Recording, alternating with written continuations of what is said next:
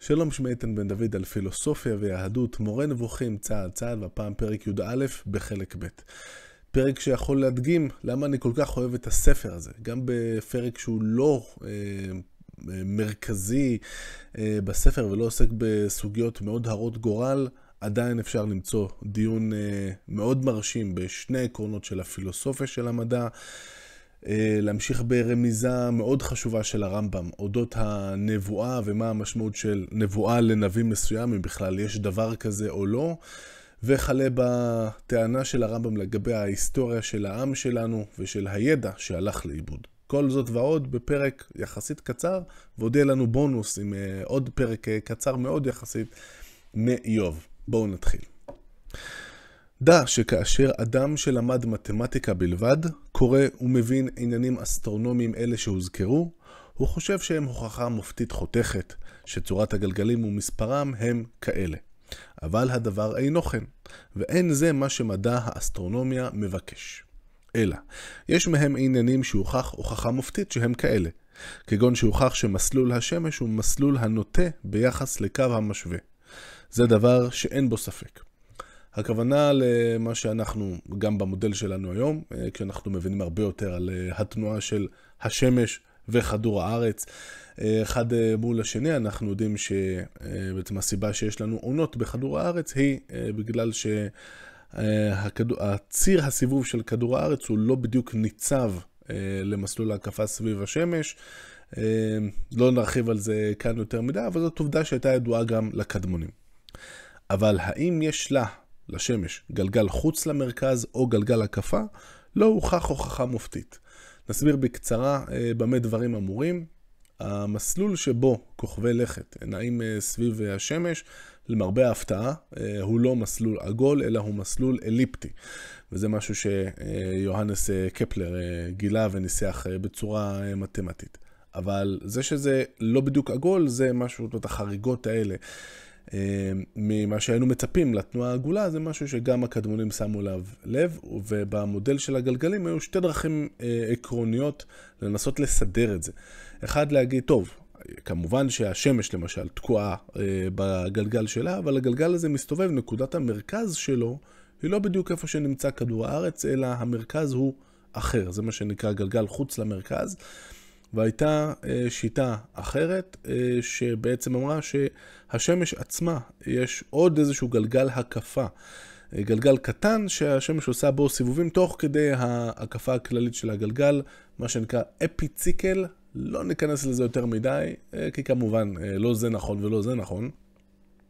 אבל הנקודה החשובה היא שלא הושגה הכרעה אה, מופתית, מוכחת, אה, באופן בלתי ניתן להפרחה, איזה מבין שני המודלים האלה הוא נכון בימיו של הרמב"ם.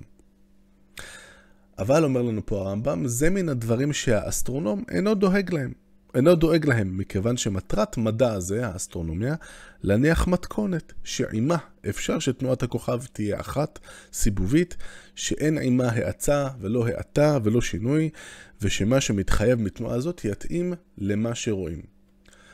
זאת אומר לנו כאן אה, הרמב"ם, וזה אחד, אחת הגישות בפילוסופיה של המדע, האם אנחנו מנסים למצוא את המודל הכי נכון, שמשקף את האמת לגבי התופעה שאותה אנו בוחנים, או האם אנחנו מחפש, מחפשים פשוט הסבר שאפשר לעבוד איתו. הסבר שאפשר, אה, שיכלול פחות או יותר את העיקרים כאן, בלי להתחייב לנכונות מוחלטת שלו, כל עוד הוא מסביר בצורה מדויקת את התופעה. אה, או בצורה מספיק טובה ומספיק קרובה לאמת, ואפשר להשתמש בו כדי לערוך ניבויים למשל. כמו שמבחינה מעשית, או כמו שנהוג לומר אצלנו ב- ביהדות בעברית, למאי נפקא מינה. מה יוצא לנו מזה? אם יוצא לי מזה מודל שהוא מספיק טוב, מספיק קרוב למציאות עצמה מצד אחד, ואפשר לעבוד איתו בצורה טובה כדי להגיע לניבויים כמו למשל מתי יהיה לי ליקוי חמה, אני מסתפק בזה. מדע האסטרונומיה, לפי הגישה הזאת שהרמב"ם מציג אה, כאן, המטרה שלו היא לא לתת את התיאור הכי טוב למציאות שיש. זה עיקרון אחד בפילוסופיה של המדע, המדע שהרמב"ם אה, נוגע בו בפרק הזה, ומיד נגיע לשני. עם זאת, הוא, האסטרונום, או המדע של האסטרונומיה, מבקש למעט בתנועות ובמספר הגלגלים ככל האפשר. אם, למשל, יש ביכולתנו להניח מתכונת אשר על פיה תהיינה אפשריות התנועות הנראות לעין של כוכב זה על פי שלושה גלגלים, ומתכונת אחרת אשר על פיה יתאפשר אותו דבר עצמו על פי ארבעה גלגלים, ראוי לנו לסמוך על המתכונת אשר מספר התנועות בה קטן יותר. לכן העדפנו לגבי השמש יציאה חוץ למרכז על פני גלגל הקפה, כפי שציין פטולמיוס, שהוא בעל השיטה השנייה המתחרה, אה, ובעברית, שלפחות של מאה הביניים, נהגו לכנותו תלמי. העיקרון שהרמב"ם מדבר עליו אה, כאן, אפשר למצוא אותו, או את הבסיס שלו, גם אצל אריסטו, אבל בפילוסופיה המערבית הוא מקובל אה, בשם התער של אוקהם, אוקהמ's רייזר. וויליאם אוקהם היה פילוסוף פרנציסקני אנגלי שפעל במחצית הראשונה של המאה ה-14 וזה בגדול מה שהוא אמר, אם אני יכול להסביר משהו בדרך פשוטה, אני רוצה להעדיף את ההסבר הזה על פני הסבר אחר שהוא יותר סבוך. אפשר לראות שהבסיס של התפיסה הזאת הוא בעצם משותף לטענה הראשונה שהעלה הרמב"ם, לפי המדע לא באמת מנסה בכלל להגיע לתיאור הכי נכון והכי מדויק של מה שבאמת קורה, אלא לתת לנו מתכונת כלי עבודה שאפשר לעבוד איתם בצורה מספיק טובה. אז את העיקרון uh, שמקובל לכנתו אתר של אוקהם אפשר למצוא כבר uh, כאן במורה נבוכים, יותר uh, ממאה שנה לפני שאוקהם העלה את הדברים, אבל לשם ההגינות צריך לומר כאמור שהשורשים של התפיסה הזאת מצויים כבר אצל אריסטו. בהתאם לכך, מכיוון שהשגנו שתנועות כוכבי השבט כולן, כולם תנועה אחת, אשר אינה משתנה, ושאין מצביהם אלה ביחס לאלה משתנים, זאת אומרת, אה, כולם זזים ביחד, אה, הם לא, לא קרבים אחד לשני ולא מתרחקים אחד מהשני, לפחות עד כמה שהתצפיות של הקדמונים ידעו להעריך. שמחנו על כך שכולם בגלגל אחד, אך לא מן הנמנע שיהיה כל כוכב מהם בגלגל משלו, ותנועותיהם של הגלגלים הללו יהיו תנועה אחת, ושגלגלים אלה כולם באותם כתבים. במקרה כזה יהיו השכלים כמספר הכוכבים, כפי שנאמר, היש מספר לגדודיו. אז הזכלים יהיו כמספר הכוכבים, אנחנו מזכירים, אה, כמו שראינו בפרקים הקודמים, המודל אומר שלכל גלגל יש את השכל הנבדל שלו, שהתנועה של הגלגל מוסברת בכך שהגלגל אה, שואף או משתוקק לשכל הזה, וזה מה שמוביל לתנועה הסיבובית המושלמת של אותו גלגל. הציטוט היש מספר לגדודיו הוא מאיוב, אה, פרק כ"ה, שלא יזיק אם אנחנו כבר פה לקרוא אותו, פרק כ"ה הוא פרק מאוד קצר, אנחנו נראה ככה שתהיה לנו טעימה מאיוב. עוד יבואו דיונים יותר מעמיקים באיוב בהמשך מורה נבוכים, זה זמן טוב לעשות איזה הפסקה מתודית ולטעום קצת איך נראה, איך נשמע ספר איוב. ויען בלדד השוחי ויאמר, המשל ופחד עמו, עושה שלום במרומיו. זאת אומרת, לאלוהים יש את הממשלה, את המשילות נקרא לזה היום, ואת הפחד, בעצם הוא עונה אה, לאיוב על זה שאנחנו לא יכולים להתמודד אה, או לבוא בטענות אל הקדוש ברוך הוא. היש מספר לגדודיו, ועל מי לא יקום אורהו? ומה יצדק אנוש עם אל? ומה יזכה ילוד אישה? הן עד ירח ולא יאהיל, וכוכבים לא זכו בעיניו. אף כי אנוש רימה, ובן אדם תולעה. ספר... אה, לא מאוד, אה, אה, שלא מאוד מפרגן לבני אדם ביחס לאלוהים כידוע. אבל לאיוב עוד נגיע, אנחנו בינתיים ממשיכים כאן עם פרק י"א. כי הזכלים, גרמי השמיים וכל הכוחות כולם גדודיו של הקדוש ברוך הוא, ואולם מיניהם ניתנים בהכרח לספירה. אפילו היה הדבר כך, לא היה נפגם לנו הסדר שלנו, במנותנו את גלגל כוכבי השבט, בתור כדור אחד. כשם שאנו, שאנו, שאנו מונים את חמשת גלגלי כוכבי הלכת, למרות גיבוי גלגליהם, בתור כדור אחד, ראינו את זה בפרקים הקודמים. הרמב"ם בעצם לוקח קבוצות של גלגל אחד או יותר, שהם קרובים אה, זה לזה, ולהגיד, אוקיי, זה כדור אחד, זו קבוצה אחת, כדי להגיע למצב שיש לו ארבעה כדורים.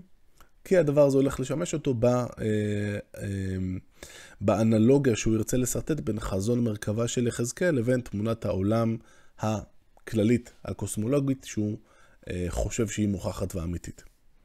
הכוונה, כפי שהבנת, היא רק למנות את כלל הכוחות שאנו משיגים במציאות, השגה כוללת, מבלי לדאוג לבירור מהותם האמיתית של השכלים והגלגלים. אך כל הכוונה היא שהנמצאים, זולת הבורא יתעלה, מתחלקים לשלושה חלקים. כמו בצה"ל, ראינו את זה. אחד, הזכלים הנבדלים. השני, הגרמים הגלגליים הנושאים צורות קבועות, אומרת כוכבים שתקועים בהם, שאין הצורה בהם משתנה מנושא לנושא, והנושא עצמו אינו משתנה. והשלישי, אלה הגופים המתהווים וחלים, אשר משותף להם חומר אחד. כל מה שיש לנו פה בכדור הארץ, עם ארבעת היסודות, שכולם הם אה, תולדות, נקרא לזה ככה, של החומר ההיולי, החומר הראשוני שיש לנו כאן בכדור הארץ, והוא שונה לפי התפיסה הזאת מהחומר של הגלגלים, שהוא החומר החמישי, חומר שונה. ושההנהגה שופעת מן האלוה יתעלה על הזכלים לדרגותיהם. ממה שקלטו הזכלים, שופעים טובות ואורות על גופי הגלגלים, ומגל... ומן הגלגלים שופעים כוחות וטובות על גוף מתהווה וכלה זה, מה שיש לנו פה בעולם שלנו, מן השפע הרב שקלטו מעקרונותיהם. ועכשיו אה, מגיע הקטע שהבטחנו אה, קודם לגבי הרמיזה אה, שישלח כאן הרמב"ם, והיא תהווה, בעצם מתייחסת לאחד הרעיונות החשובים בתורת הנבואה שלו. עד כמה נבואה זה משהו שמופנה באופן ספציפי לנביא ספציפי, ועד כמה יהיה איזשהו תדר כללי שמשודר, נקרא לזה ככה, לעולם, והנביא הוא זה שיודע לעלות, להקשיב לתדר הזה דווקא, בלי שהדברים מכוונים אליו באופן ספציפי. אז הדיון כאן הוא על השפע באופן כללי, אבל נזכיר את האמירה המפורשת של הרמב"ם בתחילת הדיון כאן. הוא אמר, המטרה שלי כאן זה לא להסביר בדיוק איך העולם עובד, שוב, תזכורת אה, למה שנגענו בו קודם, המטרה היא לא להסביר בדיוק מה, מה קורה, אלא אה, הרמב"ם אומר, העיקרים שיהיו כאן ישמשו אותי בהמשך, ובעיקר לתורת הנבואה. גם תורת הנבואה תעסוק במושג השפע הזה שמגיע בסופו של דבר מאלוהים, דרך הזכלים, דרך גופי הגלגלים, אל אה, השכל הפועל במקרה שלנו ואל הנביא. אז מה שאנחנו נקרא עכשיו, צריך תמיד לזכור, לא מדבר רק על השפע הכללי הקוסמולוגי, אלא גם קשור קשר הדוק לתורת הנבואה. ודע שכל המשפיע טוב כלשהו, או טוב כלשהו, בדירוג הזה, אין מציאותו של המשפיע הזה, כוונתו ומטרתו, להשפיע על קולט אחד מסוים בלבד, שהרי מכך היה נובע אבסורד גמור, כי המטרה נכבדה יותר מן הדברים שהם למען המטרה. היה אפוא מתחייב שמציאותו של העליון יותר והשלם יותר והנכבד יותר תהיה למען השפל יותר. שום בר דעת לא ידמה זאת. אלא הדבר הוא כפי שאתאר, נעצור פה רגע ונגיד, אם היינו אומרים לרגע שהמטרה של, אה, בואו נגיד ככה, אנחנו נורא רוצים שאלוהים אה, יעזור לנו לזכות בלוטו. אגב, תמיד טוב כמורה למתמטיקה, אם יש דבר אחד שאני רוצה שתזכרו מבחינה מתמטית, וזה אני אומר לכל התלמידים שלי, זה לא למלא לוטו בחיים. שוב, כי סטטיסטיקה וזה, לא ניכנס לזה עכשיו. אבל היינו נורא רוצים, נכון, שאלוהים יגרום לאיתן לזכות בלוטו, בהנחה שאיתן היה ממלא לוטו. אבל תראו, יש משהו מאוד אה, נאיבי, ילדותי, ותכלס, ממש אה, כאילו מטופש בציפייה הזאת, כי אנחנו אומרים, אוקיי, ריבונו של העולם, שעסוק בהרבה מאוד דברים כרגע, הוא עכשיו צריך uh, להתפנות מכל עיסוקיו ולעשות את מה שטוב לי. כמה הרעיון הזה מגוחך, כאילו ללכת על הישות הכי חזקה בעולם, או הישות היחידה שהיא בעצם חזקה בעולם, ועכשיו אני מנסה להכפיף אותה לרצונות שלי ולצרכים שלי. יש בזה משהו מאוד, uh, מאוד פסול בעיני, בעיני הרמב"ם, וזה בדיוק הרעיון גם כאן. להגיד שהדברים הנכבדים האלה, הגלגלים, שהם עשויים אה, שגם מבחינה פיזית מהחומר, החומר אה, שהוא יותר אה, מוצלח מהחומר כאן, הוא לא מתהווה ולא קלה, ובוודאי הזכלים הנבדלים, שהם בכלל בדרגה הכי גבוהה שיש ביקום מבין הנבראים, מה פתאום שהם ישרתו בן אדם אחד ספציפי או יכוונו לבן אדם אחד ספציפי, זה כמובן לא יעלה על הדעת במודל הזה כמו שהרמב"ם תופס אותו. אז שום בר דעת לא ידמה זאת, אלא הדבר הוא כפי שאתאר והוא, שכאשר דבר מה שלם באופן כלשהו של שלמות, יש ששלמות זאת מצטמצמת בתחום שעצמותו מגיעה לידי שלמות, ואין שלמות עוברת ממנו לזולתו. ויש ששלמותו היא בתחום שממנו עודפת שלמות ועוברת לזולתו. בואו אפשר לדמיין על, יש כוס ויש מים שממלאים אותה, ועד שהיא מלאה וזהו, ואז הזרם נפסק, אבל מה קורה אם הזרם נמשך? הכוס עולה על גדותיה והמים מתחילים להישפך מתוך הכוס הזאת החוצה. כגון שתאמר על דרך המשל, שלאדם כלשהו יש רכוש המספיק לצרכיו ההכרחיים בלבד, ולא עודף ממנו מה שאחר יפיק ממנו תועלת. ולאדם אחר יש רכוש שעודף, ועובר ממנו מה שמספיק לאנשים רבים, כך שהוא מעניק לאדם אחר כמות שבעטייה יעשה גם אותו אדם, האדם האחר עשיר, ועודף ממנו מה שמעשיר אדם שלישי. כך הדבר במציאות. השפע המגיע ממנו יתעלה להביא לידי מציאות שכלים נבדלים, שפע גם מאותם שכלים באופן שהביאו זה את זה לידי מציאות, שכל נבדל אחד, את זה שמתחתיו, זה שמתחתיו וכולי, עד השכל הפועל, השכל הנבדל לתחתון, שהוא זה שמשפיע על העולם שלנו.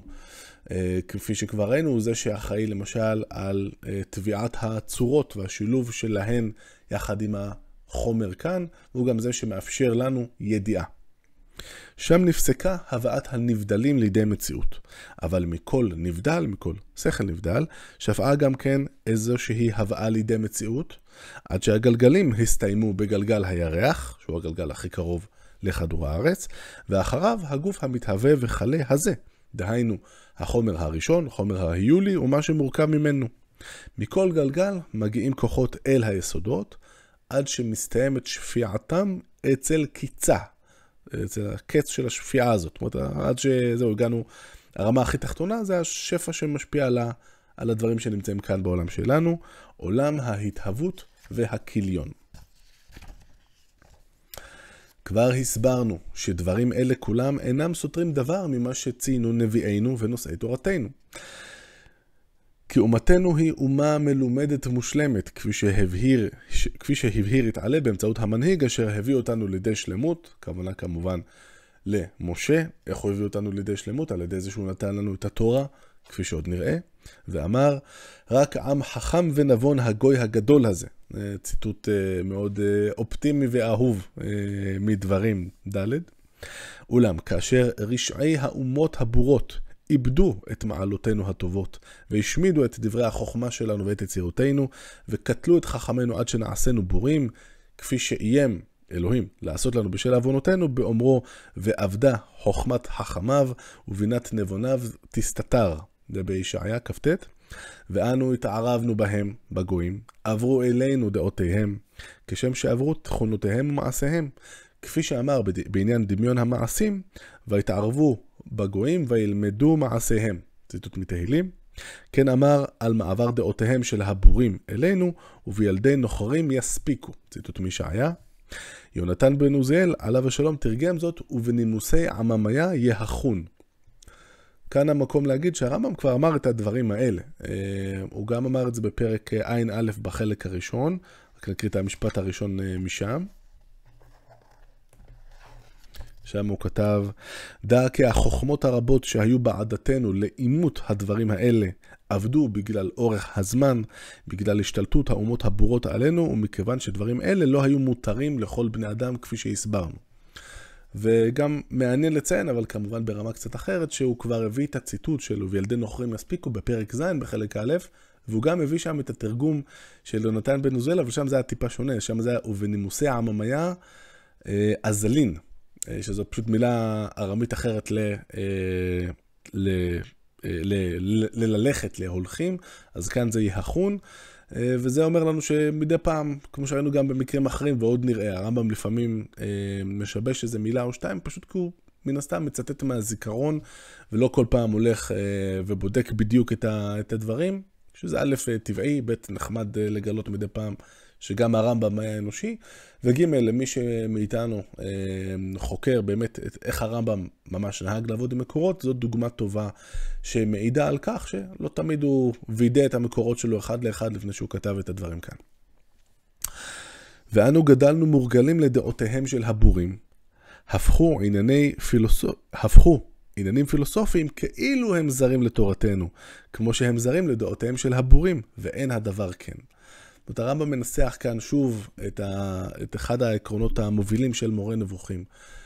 האמונה מצד אחד והפילוסופיה, שהיא המדע מצד שני, הן לא אויבות בכלל, הן לא מתנגשות אחת עם השנייה, להפך. דרך המדע או באמצעות המדע אני יכול אה, בעצם להגיע לאמונה שהיא יותר מדויקת ויותר נכונה, כמו הדוגמה הפשטנית, הפשוטה יחסית, שאם המדע, וזה מה שאומר, זה מבחינת הרמב"ם ממש נכון, המדע מסביר לנו למה לא יכול להיות שלאלוהים יהיה גוף, זה עוזר לי להבין טוב יותר את המקרא, והאמונה שלי הופכת להיות אמונה שהיא יותר מתקרבת באמת למטרה העליונה של האדם, הלא היא הכרת האל כפי כוח האדם.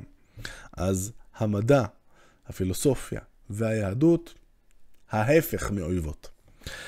מכיוון שהזכרנו בדברנו כמה פעמים את השפע מן האלוה ומן הזכלים, ראוי שנבהיר לך את מהותו האמיתית, כלומר את העניין שמכנים בשם שפע.